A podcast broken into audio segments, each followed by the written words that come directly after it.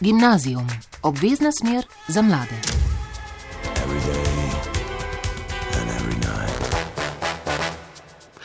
Lepo zdrav vsem, ki ste v družbi oddaje Gimnazijum. Danes se bomo odpravili po poti oblikovanja modne kolekcije oblačil. Dijakinje in dijaki Srednje šole za oblikovanje in fotografijo Ljubljana so namreč konec maja v Ljubljanski cukrarni izvedli sklepno modno revijo, na kateri so predstavili svoje kolekcije oblačil. Rdeča nit ustvarjanja, ki je tudi del mature, je bila prihodnost. V naslednji uri boste izvedeli, kakšen konec štiriletne izobraževanja izobraževalne poti je bilo oblikovanje te sklepne kolekcije oblačil, koliko neprespanih ur so vložili v izvedbo, kako skozi oblačila in delo s tekstilom mladi oblikovalci vidijo prihodnost in kako so jih pri delu vodili profesorice in profesori. Z nami so dijaki smeri modno oblikovanje Didi Kožel, Gal Grandlič, Jona Piškur in profesorici Alenka Podlogar in Nataša Grčar Napast. Živel sem. Živel. Živel.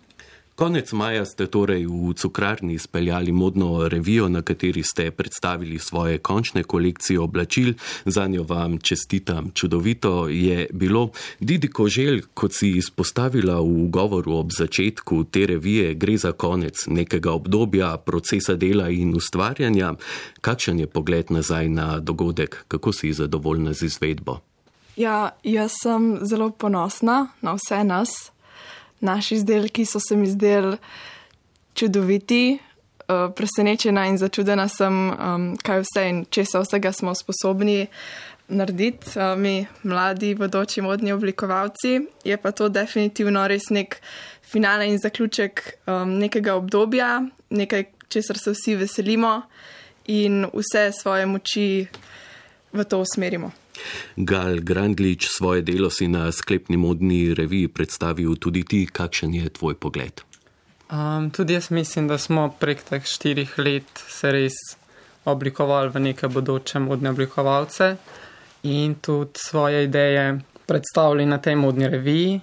Uh, zdi se mi, da smo bili res uspešni, tudi meni je bila modna revija zelo všeč in mislim, da tudi ta revija odraža našo prihodnost v tej smeri.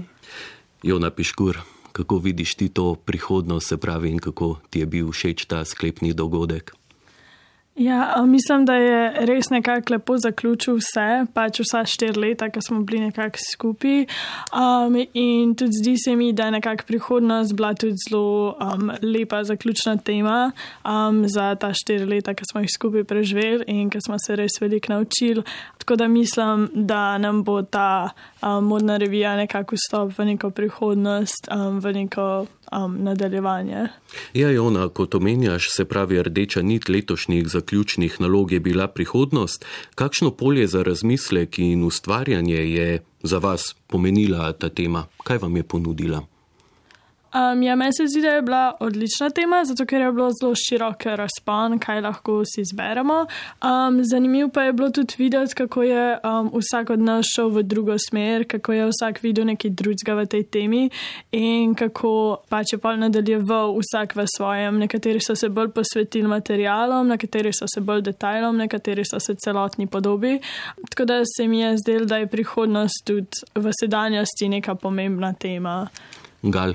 Tudi se strinjam z Jono in vsak je to široko temo prihodnost dal svojo idejo in jo s tem razvil.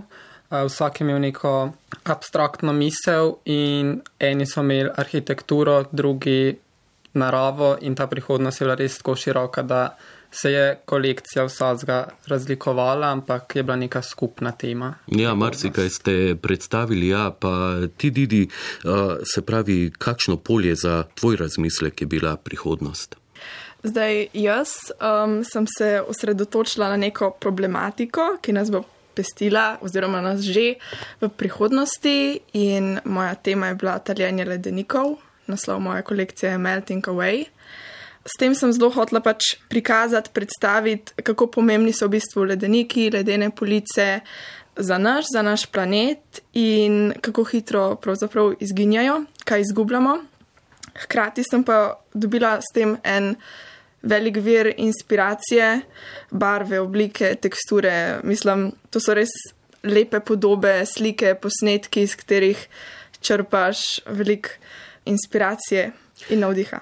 Profesorici Alenka Podlogar in Nataša Grčar Napast, zakaj ste za dijake izbrali to temo? Prihodnost je aktualna, eh, mladi intenzivno razmišljajo o tem, o svojem življenju v prihodnosti eh, in skozi mnoga leta, ki sem jih že na šoli pač opravila, me je presenetilo, v, v preteklosti bi dijaki na takšno temo razmišljali o uh, tehnološkem napredku, inteligentnih oblačilih.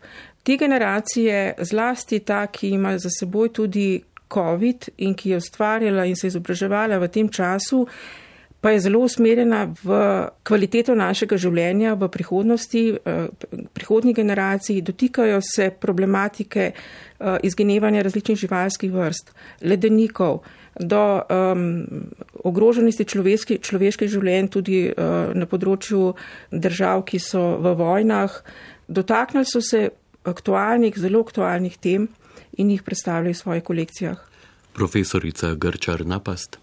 Ja, zdaj temo se ponavadi uh, določa na oblikovanju, tako da jaz tukaj sicer sem nekako vprašana, kaj in kako, ampak uh, glavno besedo ima profesor, ki ima oblikovanje čez. Uh, Tako da mogoče smo se mal povezali s to temo tudi zato, ker je lanska generacija, ker je zaradi COVID-a izpadla, tudi imela enak naslov. Ja, in razmislek o prihodnosti je danes zagotovo zelo pomemben. Zato me zanima, kakšno je vaše mnenje o tem, kako moda oblikuje naša življenja. Torej, morda kako čas spreminja modo in kako moda čas, da z njo živimo v sodobnosti in prihodnosti.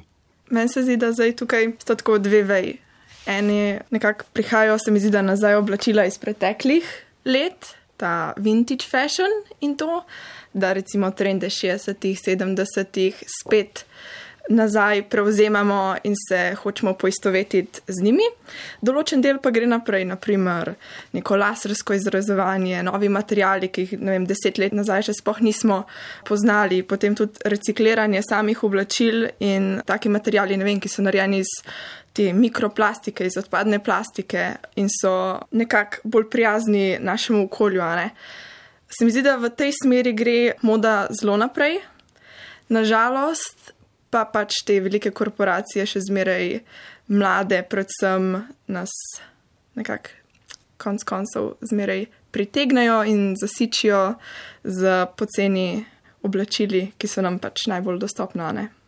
Ravnateljica Srednje šole za oblikovanje in fotografijo Ljubljana, magistrica Polonija Simon je dejala, da je poslanstvo šole z modno revijo na tako visokem nivoju doseženo. Kakšno pot ste torej s tem dogodkom končali na eni strani dijaki in na drugi profesori, ki ste jih vodili k temu cilju? Jona.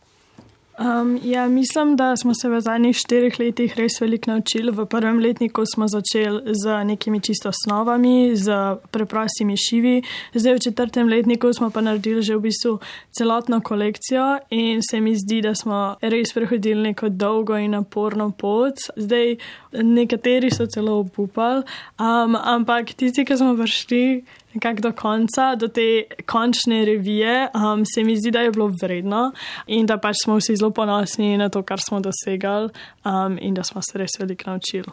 Pa profesorici, torej, kakšno pot sta končali vidve skupaj z dijaki? Ja, jaz sem vsakič nova presenečena in res navdušena nad tem, kar uh, dijaki ustvarjajo. Ta modna revija uh, je pravzaprav njihova želja štiri leta štirih letih. V tem času se izoblikujejo kot osebnosti, kot oblikovalci, nekateri grejo res po drugi poti. Meni pa je zelo pomembno, da poleg tega, da pridobijo znanja, ki jih potrebujejo za poklic modnega oblikovalca, da se naučijo ustvarjalnega in kreativnega razmišljanja tudi na drugih področjih, ki jim bo pomagalo, če bodo se odločili za pot v drugi smeri. Ja, in štiri leta učenja, dela in truda je pravzaprav vloženega v en sklepni večer, bi lahko rekli, kaj za vas, dijake, pomeni na modni brvi videti svojo kolekcijo. Um, mislim, da je to za vsakega od nas bila velika čast, da smo res videli tisto zadnjo oblačilo, ki smo štiri leta se učili in potem vse znanje dal ven. In ko se je sprehodila manekenka po modni brvi, mislim, da je vsak počutil se zelo ponosnega na se. In ta kolekcija je tudi del vaše mature. Povejte, kako sodi vanjo. Ja, naša matura je sestavljena, poklicna matura iz štirih predmetov in eden izmed teh je modno oblikovanje, kjer je modna revija največji procent vsega dela. Potem imamo tudi projektno nalogo, kjer predstavimo celotno kolekcijo desetih oblačil, svoje ideje, svojo inspiracijo, svoje razmišljanje in potem to projektno nalogo še zagovarjamo. To je potem na koncu ena ocena, en predmet na maturi. In vaše izhodišče je bila torej prihodnost. Didi, ti si že omenila, da si za temo znotraj prihodnosti izbrala taljenje ledenikov, pa vidva Gali in Jona. Katero temo sta izbrala in zakaj? A, moja tema je bila šesto masovno izumrtje. Um, inspiracija je bila pač ta dogodek, ki nas lahko doleti v prihodnosti in je odvisen od človeštva, kako bodo živalske vrste in tudi človeška vrsta lahko izumrle, če ne omejimo nesnaženja in naravnih problemov. In to sem prikazal potem tudi na oblačilih, kjer sem dal silhueto neke živali in njeno kostje črno-bela, kar predstavlja smrt in življenje. Jona. Ja, jaz sem se pa osredotočila na našo prihodnost oziroma na prihodnost mojega razreda um, in sem v vsako oblačilo v bistvu um, vključila neko prihodnost vsakega posameznika. Um, vprašala sem jih, kaj mislijo delati v prihodnosti in pa to nekako povezala z nekim detajlom, ki v bistvu predstavlja, kako bomo v prihodnosti vsak šli v svojo smer, ampak bomo še vedno nekako povezani. Tako da se mi je zdelo, da mi pač temo sem si izbrala, ker se mi je zdela tako najbližji mene in sem res lahko se tako poglobljeno pač um, posvetila ji. Morda eno tako laično vprašanje, pri vašem delu gre za tako imenovano visoko modo. Kako bi našim poslušalkam in poslušalcem pojasnili, kaj moda sploh je in kako jo oblikovalke in oblikovalci ustvarjate? Ja, zdaj modo si vsak sam razlaga nekomu je pač pomembno samo, da ima nekaj za obleč, nekomu to predstavlja ne vem, nek smisel v življenju, tako predstavlja sam sebe, svojo osebnost. Mi pa smo kar zaplavali v neke vode, vsaj naša generacija se mi zdi bolj visoke mode, če lahko temu tako rečem, oziroma nekega eksperimentiranja, nekih takih oblačil, ki jih ne moreš glih nositi vsak dan, se mi zdi. Nekatera so tudi um, neprimerna, sploh za hoditi, mogoče, ampak to je vse pač dopuščeno tukaj. Išče se kreativa, nekaj drugačnega, nekaj novega. Tako da mi smo ustvarjali kar taka oblačila, ki so neki originali, ki jih pač nikjer drugje ne moreš dobiti, kot pri nas in ja, so res unikatna. Modno revijo ste izvedli v cukrarni v Ljubljani, v objektu, ki je nedolgo nazaj s prenovo zaživel v sodobni podobi. Kako je lahko tudi prostor del modne revije? Meni se je prostor zdel zelo primeren, ker so veliko je bilo tudi inspiracije arhitekture in tudi sama cukrarna je nek sodoben prostor, kot so že vi rekli. Um, noter je neka predstava umetnosti in tudi moda sama je neka umetnost. Tako da se mi zdi, da je bil v redu zbran prostor za to predstavitev. Jona, pa še glasba in vizualizacije so bile pomemben del te vaše modne revije, ki ste jo izvedli. Na kakšen način jo dopolni? Ja, mislim, da pač modna revija brez glasbe ne bi bila dejansko dopolnjena. Um, to je nekako ta pika na i, ki oblačila nekako poveličuje in jih boljš predstav, sploh pa svetlova se mi zdi, da je tudi pomembna, um, zato ker nekako postav um, gledalčeve oči na tisto točko, ki je res pomembna in um, tako nekako svetlova predstav tisto oblačilo, na katerega se morajo fokusirati. Ker na modni reviji je najprej šla gorena manekenka, um, potem pa se je postavila v zadje in na to šla še druga manekenka. Tako je pač glasba in pač um, razsvetljava pokazala nekako, kaj je pomembno in na kaj se je treba fokusirati. Tudi mi bomo zdaj prisluhnili glasbi, po njej pa boste povedali več o idejni zasnovi vaših končnih kolekcij. Gimnazijum, obvezna smer za mlade.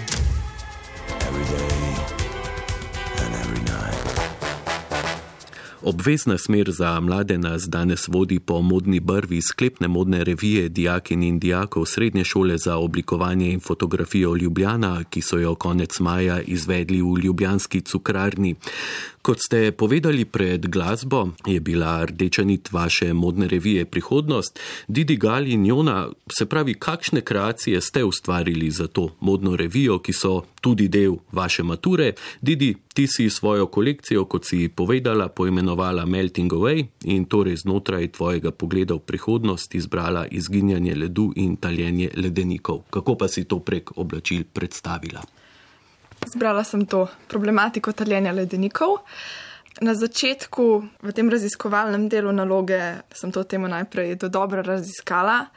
Tudi odkrila veliko avtorjev in fotografov, ki delajo res izjemne fotografije in so mi takoj nekako prirastle k srcu. Potem pa sem šla nekako v dve različni smeri. Ena smer je bila delanje kreacij oziroma izris neke kreacije po fotografiji, ki mi je predstavljala neko inspiracijo in je potem tudi uh, pač silhueta predstavlja to sliko, mogoče materijali, kakšni detajli. Uh, druga smer pa je bila v bistvu neka gora ledena, ki je zrcaljena v vodi in sem jaz to potem obrnila in izrezala in tako je pravzaprav kar nastalo oblačilo, ki sem ga tudi sešila skupaj. To je potem šlo v tiskane blago in uh, na obeh oblačilih, um, na obeh lukih je digitalni tisk. Tako da v kolekciji oziroma na modni brvi sta bili predstavljeni obe smeri, ta, katero sem pač sama narisala po nekem vzoru slike, in pa potem tudi um, druga, ki sem v bistvu jo preslikala iz same fotografije in je nastala neka silhueta uh, ledene gore pa potem so tukaj še tudi materijali, um, ki predstavljajo neko vodo, uh, led. Ja. Gal, tvoja kolekcija oblačil se pravi predstavlja uničenje sveta in življenja na njem in hkrati na to opozarja, kakšne kreacije si ustvaril in poslal na modno baru znotraj tega razmisleka. Uh, moja kolekcija oblačil je vsebovala bolj oblačila visoke mode. Bila so elegantna, ne za vsakdanje uporabo, ampak kot neka umetnost bolj, bila so bolj velika, so bila pa tudi bolj nekako zrisana na računalniku, zato imajo tudi bolj eh, geometrijske linije, črte in digitalni tisk, s katerim sem na tkanino nanesel to silhueto živali in okostja, nekaj na črno, nekaj na belo, kar predstavlja kot ta kontrast, in potem je oblačilo tudi izražalo nek problem. Naprimer, tiger v odspredju je bil na belem, kar je pomenilo življenje, in njegovo kost je na črnem, kar je pomenilo prihodnost, ko izumre. In pa še Jona, tvoja kolekcija. Ja, moja kolekcija se v bistvu imenuje Nobis Futurum um, in to v latinščini pomeni naša prihodnost. In zbrala sem ta jezik, zato ker se mi zdi, da je pomemben za preteklost in tudi za prihodnost. Um, vsako oblačilo v kolekciji, kot sem že rekla, predstavlja enega posameznika iz uh, mojega razreda in njihovo prihodnost. Detajle, torej njihovo prihodnost, sem upeljala v silhuete. Recimo v um, prihodnosti od sošolke, ki je rekla, da bi šla potovati po svetu, sem naredila okroglo silhueto, ki predstavlja svet in pa trakove, ki se prepletajo po svetu. Tako sem vsakmu določila tudi barvo, glede na njihovo osebnost in detajle naredila z barvnimi šivi. Vsa oblačila so torej bela in pa dodani barvni šivi, ki predstavljajo njihovo osebnost. Zelo izdelane ideje imate o vaših kolekcijah. Kako je potekal ta razmislek? Ja, mislim, da je bil kar dolg proces, um, sploh na začetku, ker ti dajo tako obširno temo in potem jo moraš zožati na v bistvu samo eno stvar, je kar težko. Mislim, da smo imeli vsi um, zelo velik, ampak istočasno zelo malo idej. Ampak pa nekako, ker si najdeš to začetno inspiracijo, ker si začel delati skice, ker si se nekako začel odločati za materijale, se mi zdi, da je hitrejši vse potekal. Ampak vseeno je bil zelo stresen proces kar se mi zdi, da nam je tudi pokazalo, kako dejansko je v modni industriji. Ampak konec koncev se mi zdi, da smo vsi zadovoljni z zaključkom. Ste pa tudi veliko eksperimentirali, zagotovo in Didi, ti si v govoru ob začetku modne revije dejala, da je prihodnost tudi nekaj eksperimentalnega. Ja. Um, jaz osebno sem kar veliko eksperimentirala, to lahko mislim, da profesorci potrdita, da moja oblačila so bila na začetku. Neka zamisel je bila, potem pa se je tako v roku treh mesecev to razvil v nekaj čist drugačnega. Ne? Naprimer, um, na začetku je bil predviden navaden plese, na koncu pa na modni brvi stal model z nekim zgornjim delom iz PVC-ja. Tako da to je eksperimentiranje, moraš biti kar zelo prilagodljiv, hitro razmišljati in biti pripravljen veliko delati. In če se vrnete čisto na začetek ustvarjalnega procesa, ko ste šele izvedeli, da bo tema kolekciji prihodnost, najprej ste mladi, kot si prej že omenila, Didi, opravili raziskovalni del naloge. Kako je potekal in kako ste se po tej raziskavi odločili, katere bodo teme vaših kolekcij? Mislim, da se je vsak iz nas najprej dal na to temo prihodnost in v njej najdel neke smeri in potem je te smeri tudi zožil, kot je Jona rekla, um, s pomočjo fotografij najbolj. Vsi smo raziskovali to prihodnost, kaj je in te njene smeri, naprimer arhitektura, narava. Um, in s pomočjo tudi profesorc smo potem prišli do neke skupne teme, ideje, ki smo jo lahko razvili v to, kar je nastalo za modno revijo. Profesorica Lenka Podlogar, ta del so dijakinje in dijaki opravili z vašo pomočjo, bili ste idejna in oblikovalska mentorica. Kako ste jih vodili skozi proces oblikovanja ideje, da so se potem lahko pozneje z njo začeli ukvarjati tudi na izvedbeni ravni? Ja, tako kot so sami povedali, na začetku uh, je idej veliko, zamisli je veliko, potem pa jim pomagam jih usmerjati uh, v področja, kjer jih po štirih letih bolj poznam in vem, kje so močnejši, vendar pa sami so tisti, ki morajo raziskovati, ki se potrjujejo, iščejo. Poskušam jih usmerjati tako, da sami odkrivajo sebe znotraj dane teme. In raziskovalnemu delu je na to sledilo izrisovanje idejnih skic, kaj je na papirju nastalo čisto na začetku in ali so bile vse ideje sploh izvedljive. Ne. ne. Mogoče na začetku, ko rišemo te idejne skice, nekdo sploh ne razmišlja o tem, zdaj bom pa narisal srajco, zdaj bom pa narisal hlače. Ampak je to neka silhueta, neka umetniška slika, pravzaprav, ki ti v tistem danem trenutku sploh nimaš pojma, kako bi bila izvedljiva. In potem, ko se začneš s tem ukvarjati, ali pa preneseš profesorci ne, v korekturo in te vpraša, kako bi pa to izvedel, ugotoviš, da mogoče to sploh ni izvedljivo, ali pa res zelo težko. Um, tako da, ja, te idejne skice so včasih neizvedljive. Potem, čez čez čas pa začneš tudi o tem razmišljati, um, povežeš neke usporednice, mogoče s kakšnimi uh, drugimi uh, dejnimi skicami, ki si jih že mečkam prej narisal, kaj združiš in razmišljaš seveda o izvedbi. To je zelo pomembno, ker konc koncev si ti tisti, ki boš mogel to izdelati. Ne? Nataša Grčar napast in vi ste skrbeli za izvedbeni del. Kakšna je bila že pripravljanju teh osnovnih idej vaša naloga? Torej, poskrbeti ste morali, da se bo idejo dalo spremeniti v nekaj, kar je sploh možno sešiti, kaj ne? Ja, v bistvu od tistih skic, ki so jih dijaki prenesli k meni, te skice je bilo treba potem prilagoditi in jih spraviti v oblačilo. Pri nekaterih mal težje, pri nekaterih mal lažje. Jono smo na koncu pustili, da sama tuhta in razmišlja o tem in uh, moram ji še enkrat čestitati, da je speljala uh, svojo idejo speljati do konca uh, kar precej samostojno, če ne že kar sko, čisto samostojno. Hvala. Nekatere stvari smo z poskusnega materijala sprobali, da smo sploh videli, kako bo to funkcioniralo. Tukaj se pojavlja kar precej vprašanj. Nimamo na razpolago takih materijalov, ki jih imajo mogoče uh, drugi na razpolago. Mogli smo se prilagoditi materijalom, vzorcem, ki so bili potem postavljeni na tkanino, seveda tukaj še oblačenje, slačenje in tako naprej. No. Koliko krat ste morali torej popravljati svoje skice in kako sploh poteka piljenje ideje proti končni zasnovi, ki ste se potem lotili v izvedbenem delu? Pri vas modnih oblikovalcih velja tisti rek, ki sicer izhaja iz angleščine nazaj za risalno desko, kaj ne?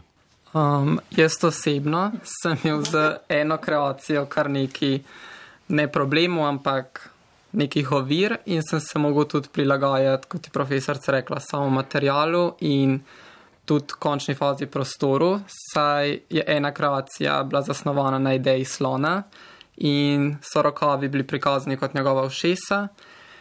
In tukaj je bilo kar nekaj razmišljanja, kakšen material dati not, in smo se vračali k skicam in potem tudi sprobali z različnih materialov, tudi kovina, in na koncu smo potem nekako prišli do filca ki je to podobo slonovih ušes dejansko prikazal na oblačilu. Kako se v kolekcijah, ki ste jih ustvarili, kaže vaša osebna nota, Didi? Ja, um, meni se zdi, da moja oblačila so kar elegantna vsakič. Tako. Sama sem tudi um, bolj takšna, se mi zdi, se rada lepo oblečem in te silhuete so nekako takšne, no, prefinjene, dolga krila, poudarjene, ne vem, boki. Um, tako da meni se zdi, da se moje kreacije kar nekako lahko z mano poistovetijo. No. Gal. A, jaz sem tudi taka natančna oseba in tudi moje kreacije so bile izpiljene, še posebej s temi ravnimi linijami. Um, in mislim, da se tudi jaz nekako odražam potem v njih s to natančnostjo in eleganco. In pa Jona, kakšna je bila tvoja osebna nota v kolekciji? Um, zdaj, moja osebna nota v kolekciji je bila v bistvu glih druga smer kot Didi Podgala. Moje so bile bolj tako um, neke jakne, um, neke kratka krila, um, nekaj tako um, funkcionalnega v bistvu, ampak še vedno nekaj posebenega. Ampak zdi se mi, da je vsak že v idejnih skicah nekako prikazal sebe, ker na koncu, ko sem gledala naše projekte, ki predstavljajo celotno kolekcijo, ima vsak nekako čist drugačne zasnove in to se ne sam vidi v nekem risanju, ampak tudi v načinu razmišljanja. Se pravi, če ne bi vedela, pa bi le videla kolekcijo, bi lahko rekla, utaj od Galata pa od Didi. Ja, mislim, da bi bilo um, precej očitno. Po kolikem času pa so od skic nastale prve stvari, s katerimi ste bili zadovoljni in so ostale tudi del končne kolekcije? Treh mesecih? Nekaj, Nekaj takšnega. Ja. Jaz sem bila na koncu zadovoljna s svojim izdelkom. Um, čist tik, tik pred koncem, no. mislim, da sem do zadnjega delala, isto gal. Um, ja. Se pravi, kar dolgo časa je vse skupaj trajalo in dolge ure dela so vas na to čakale še v izvedbenem delu, kaj vsega je sestavljalo in kako je nastala končna kolekcija, boste povedali po glasbi. Gimnazijum, obvezna smer za mlade.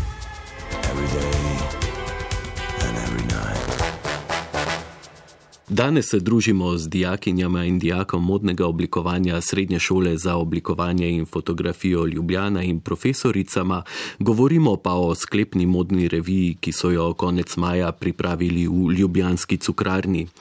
Pred glasbo ste govorili o tem, kako so nastajale idejne zasnove in skice končne kolekcije oblačil na temo prihodnost, te skice pa so morale postati tudi del materialnega sveta. Kakšni so bili prvi izdelki oziroma njihova prva taka resnejša podoba? Pri meni je bilo tako, da sem najprej delal iz probnega materijala, da smo lahko sploh videli to, ker so bila velika oblačila, kakšen je obseg, kako bomo to končno oblačilo predstavili, kaj bomo dali pod to krilo, da bo lahko stalo in res imelo nek pomen, da se bo tisto, kar je na oblačilu, videlo. Potem s časoma pa sem začel izrisovati to celo podobo na Adobe Illustrator program in potem sva tudi z Didi mogla to dnes tiskati na poliestersko tkanino, s tem sva imela kar dela. Ko pa je to vse prišlo, smo začeli dejansko izdelovati in potem imeli še tiste končne faze za izpiljenje celega izdelka. Se pravi, Didi in Jona, verjetno bi podali dokaj podoben odgovor, kaj ne? Ja, jaz bi pa dala kar podoben odgovor. Zdaj, kot je že galo meno, sva oba dva imela ta digitalni tisk in ko imaš to in pač si odvisen od nekoga drugega ne? in čakaš, da se to stiska, mislim, da je to najbolj mučno in živčno obdobje, ker pač je odvisno od nekoga drugega in ti lahko samo sediš in čakaš, da se to naredi. Jona. One dva sta se bolj posvetila materialom, pa tisku. Um, jaz tega nisem imela na svojih oblačilih. Mislim, tisti detajl, ki je bil tiska, sem ga lahko naredila na roke v šoli, ker je bil mehen. Tako da jaz sem se pa bolj posvečala temu, kako bi se oblačilo sploh sestavljalo, zato ker sem imela um, res eno oblačilo iz 20 kosov in sem rabila vse detajle nekako vedno poskušati na novo um, z nekimi probnimi materijali um, in da se je pa nekako vse na koncu išlo, je trajalo dolg čas, ker sem se vedno rabila nekako vračati na poskušanje. Kakšne tekstilne materijale ste uporabljali pri svojih kreacijah in kakšni so ti materijali za delo? Didi. Ja, jaz sem uporabljala za tisk uh, poliesterski saten, ker je pač material, ki je primeren za tisk in na srečo je bil tudi za mojo kreacijo, da je to pač lepo vse stalo. Uh, Potem sem pa uporabila še mogoče uh, neglih vsakdanji material in to je PVC. Večinoma ga uporabljamo vem, za kakšne dežne plašče. In ta material je pa mečka nenavaden, ne nosimo ga ravno vsak dan, pa tudi za šivanje ni glih najbolj prijeten, ampak je, je šlo. Gal. Tudi jaz sem podobno kot Didi imel ta poliesterski satin, ampak da je pa celo oblačilo stalo skupaj uh, sem pa potreboval tudi filt, stil in cevi za krinolino, saj je bila obseg oblačila res večji. In pa Jona, kaj si ti uporabila? Um, ja, jaz sem uporabila navaden bombaž, ampak sem mogla um, se posvetiti tem šivom, ker, kot sem že rekla, so bila bela oblačila in sem imela pisane. Um, mislim, barvaste te šive in sem rabila kar nekaj časa, da sem ugotovila, kako bi to izstopali in kako bi se dejansko videli. In kako potem nastane celota? Ali torej najprej nastanejo posamezni deli oblačila, ki jih na to sešijete v celoto, ali kako nastaja pač neka kreacija? Ja.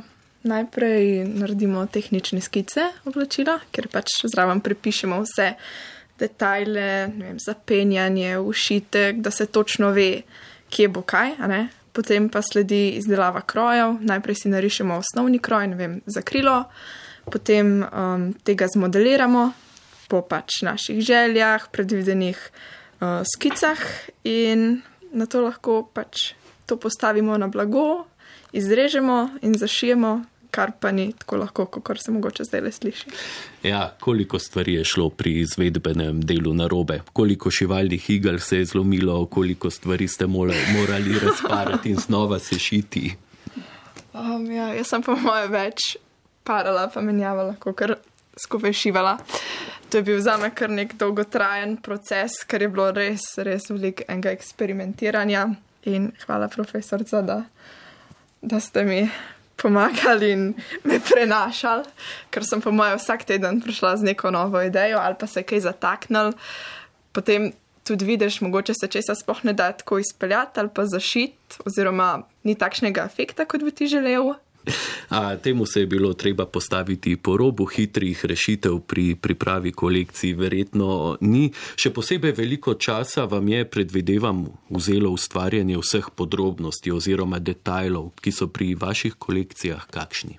Um, ja, mislim, da detajl je tisto, na kar se moraš največ fokusirati. Zato, ker že ko začneš sestavljati celotno oblačilo, moraš točno vedeti, kdaj boš ustavil detajl in kako ga boš ustavil in um, kako bo celota dejansko stala. Um, jaz sem imela recimo ob strani odprtino in sem mogla že prej, sem sestavila tistih deset kosov, ki so bili okrog te odprtine skupaj, vedeti, kjer ga bom dala, kdaj zato da se je pa lepo vse sestavilo celoto.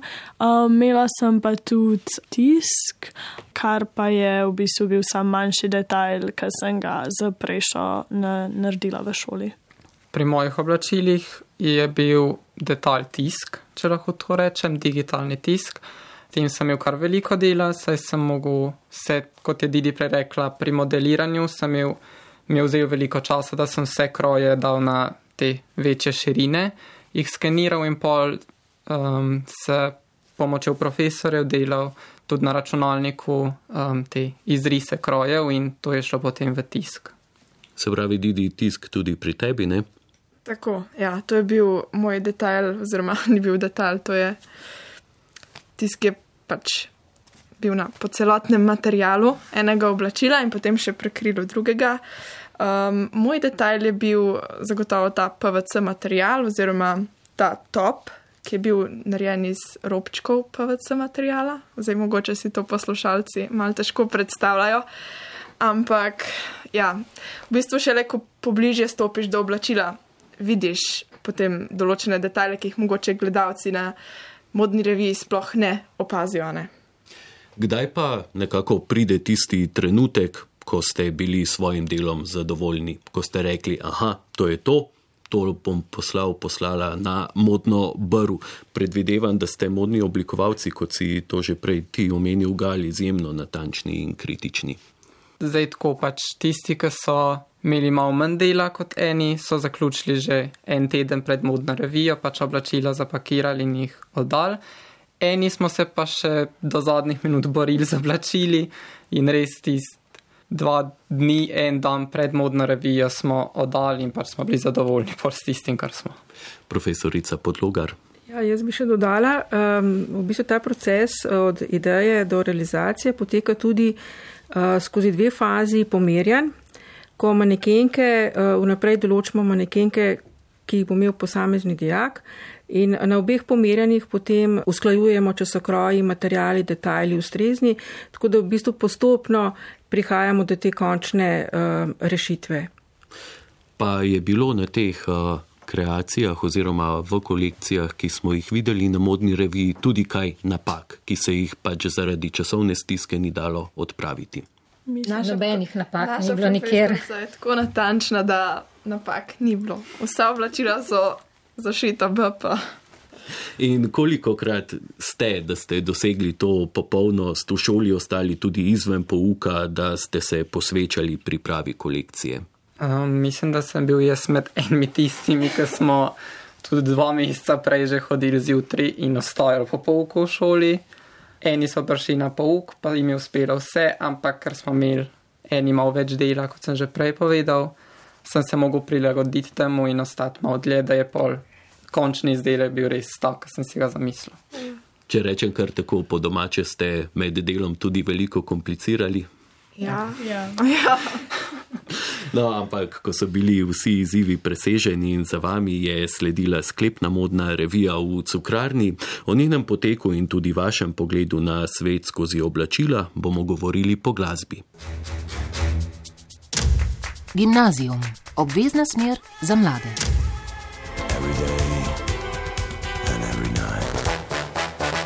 Govorimo o sklepni modni reviji Srednje šole za oblikovanje in fotografijo Ljubljana, ki so jo pod mentorstvom profesoric konec maja v Ljubljanski cukrarni pripravili dijakinje in dijaki smeri modno oblikovanje. Se pravi, dijakinje in dijaki ste zasnovali svojo kolekcijo oblačilnih podob, od tega ste na sklepni reviji predstavili dve. Kako ste izbrali svoji, ki ste jih postavili pred občinstvo? Mislim, da je bil to najtežji del, ker so ti bile nekako vse skice zelo všeč in vsa oblačila si nekako hotel realizirati, ampak seveda ni bilo dovolj časa. Tako da izbrati si dve, se, se mi zdi, da je bil težek proces. Zdaj, jaz sem zbrala po um, tem, katero je bolj pomembno, ker eno oblačilo je predstavljalo celoten razred in sem zato zbrala tega in pa seveda mojo prihodnost. Ja, jaz sem tako po všečnosti nekako šla, pa tudi po izvedbi. Tudi jaz sem isto kot Didi. Kakšni pa so bili trenutki v zaodrju? Kaj se je v vas zgodilo, ko je manekenka, ki je nosila vašo kreacijo, izginila iz vidnega uh, polja in je že bila pred ljudmi? Pravzaprav čist nič, zato ker smo hiteli pomagati oblačiti druge manekenke in ja, manekenke so pač bile profesionalne, tako da smo jim mogli kar zaupati, ne, da bodo upravljali svojo nalogo. In kako je potekala priprava sklepne modne revije, profesorici Alenka Podlogar in Nataša Grčar Napast?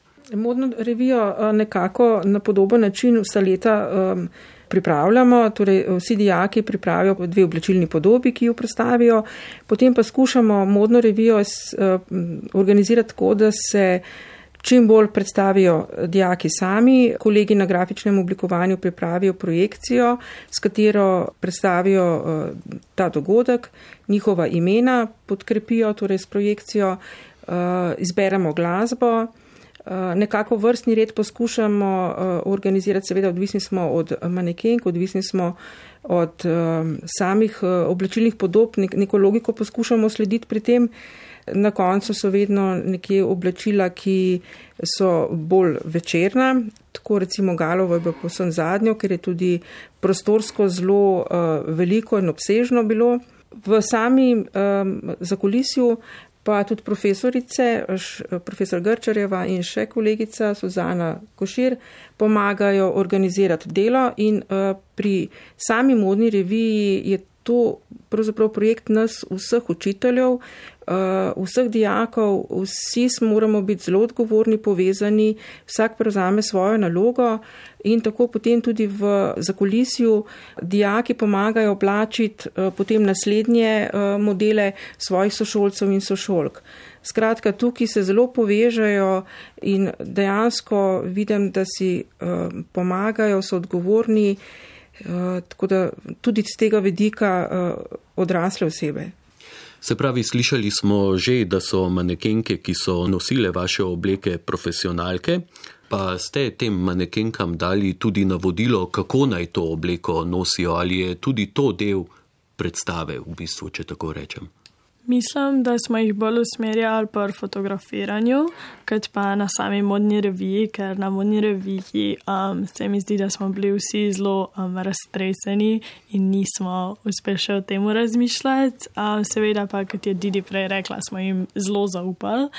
Um, pri fotografiranju, ki je bilo pa v bistvu pred revijo, ki pa smo jo dali tudi v projektno nalogo, se mi pa zdi, da smo imeli več um, moči nad tem, kako v bistvu naj predstavijo odločilo, kako naj um, pač predstavijo detajle, kaj je sploh pomembno. No, sicer pa me zanima še to, ne? prej ste že opisali, kakšne so bile vaše kolekcije in Didi omenila si, da so to obleke, ki naj se jih v običajnem življenju naj ne bi nosilo, pa me zanima torej, kakšna je njihova uporabna vrednost ali se gre tu za nek koncept razvoja mode. Mislim, da se gre tukaj predvsem za koncept razvoja mode. Kot sem že rekla, je to nekaj tako eksperimentalnega. Meni se zdi, da smo kar vsi stopili iz neke cone obdobja in naredili in ustvarjali nekaj, kar doslej še nikoli nismo.